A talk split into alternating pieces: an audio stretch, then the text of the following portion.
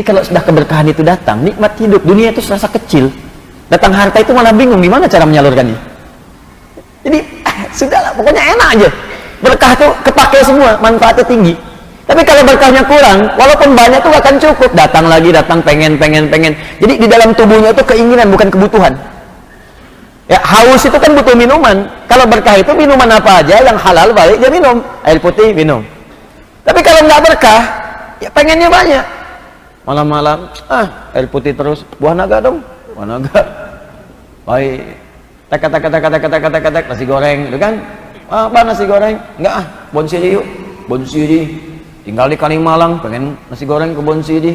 Udah jam 9 malam, gitu kan? Paksain berangkat. Tuh, pas macet lagi. Tuh, nyampe sana tempuh jalan macet-macet. Tadi mobilnya juga nggak karuan.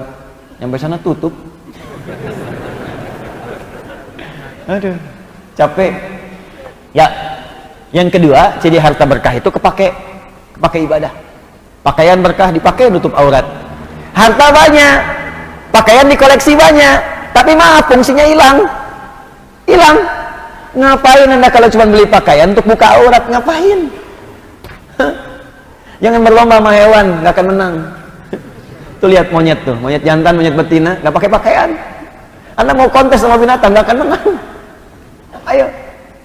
Ngapain membeli sesuatu? Allah kasih rezeki nih, pakai ibadah, pakaian, tutup aurat kamu. Anda dikasih, tapi kemudian uang yang banyak itu, Anda punya uang miliaran untuk tutup aurat aja nggak mampu. Kasihan. Masa kalah sama orang yang punya penghasilan 100 ribu? Dia cuma punya 100 ribu, bisa tutup aurat. Anda dikasih 100 miliar, nggak bisa tutup aurat. Berapa banyak lagi harta yang Anda butuhkan untuk tutup aurat Anda? Huh. Cuma punya sendal, bisa ke masjid. Anda dah punya Ferrari, masih belum bisa ke masjid juga. Anda butuh kendaraan apa lagi? Itu cara berpikirnya. Jadi kalau harta nggak berkah tuh susah gitu.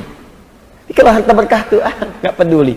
Mau sandal, mau yang lain, saya pengen ibadah kok, bukan pengen ngumpulin harta. Begitu harta muncul, motivasinya zakat, infak, dunianya juga dapat. Nggak apa-apa. Dapat Ferrari, pakai ke masjid. Eh, pulang hilang ya nggak apa-apa, mau titipan.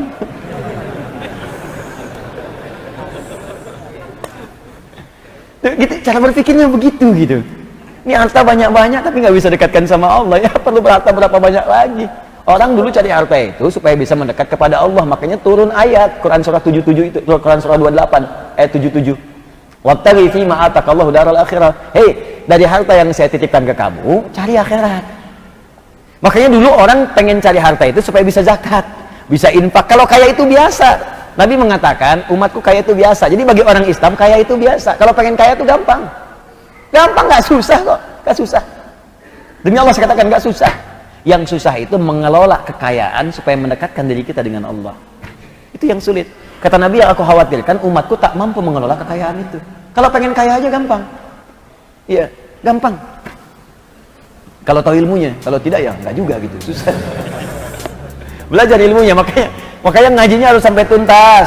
Al Bukhari buka, pengen fokus bisnis buka kitabut tijarah, pengen fokus di ilmu kitabul ilmi buka, pengen fokus di birokrasi kitabul imarah, belajar sampai tuntas, lalu amalkan maka terbukalah pintu-pintunya.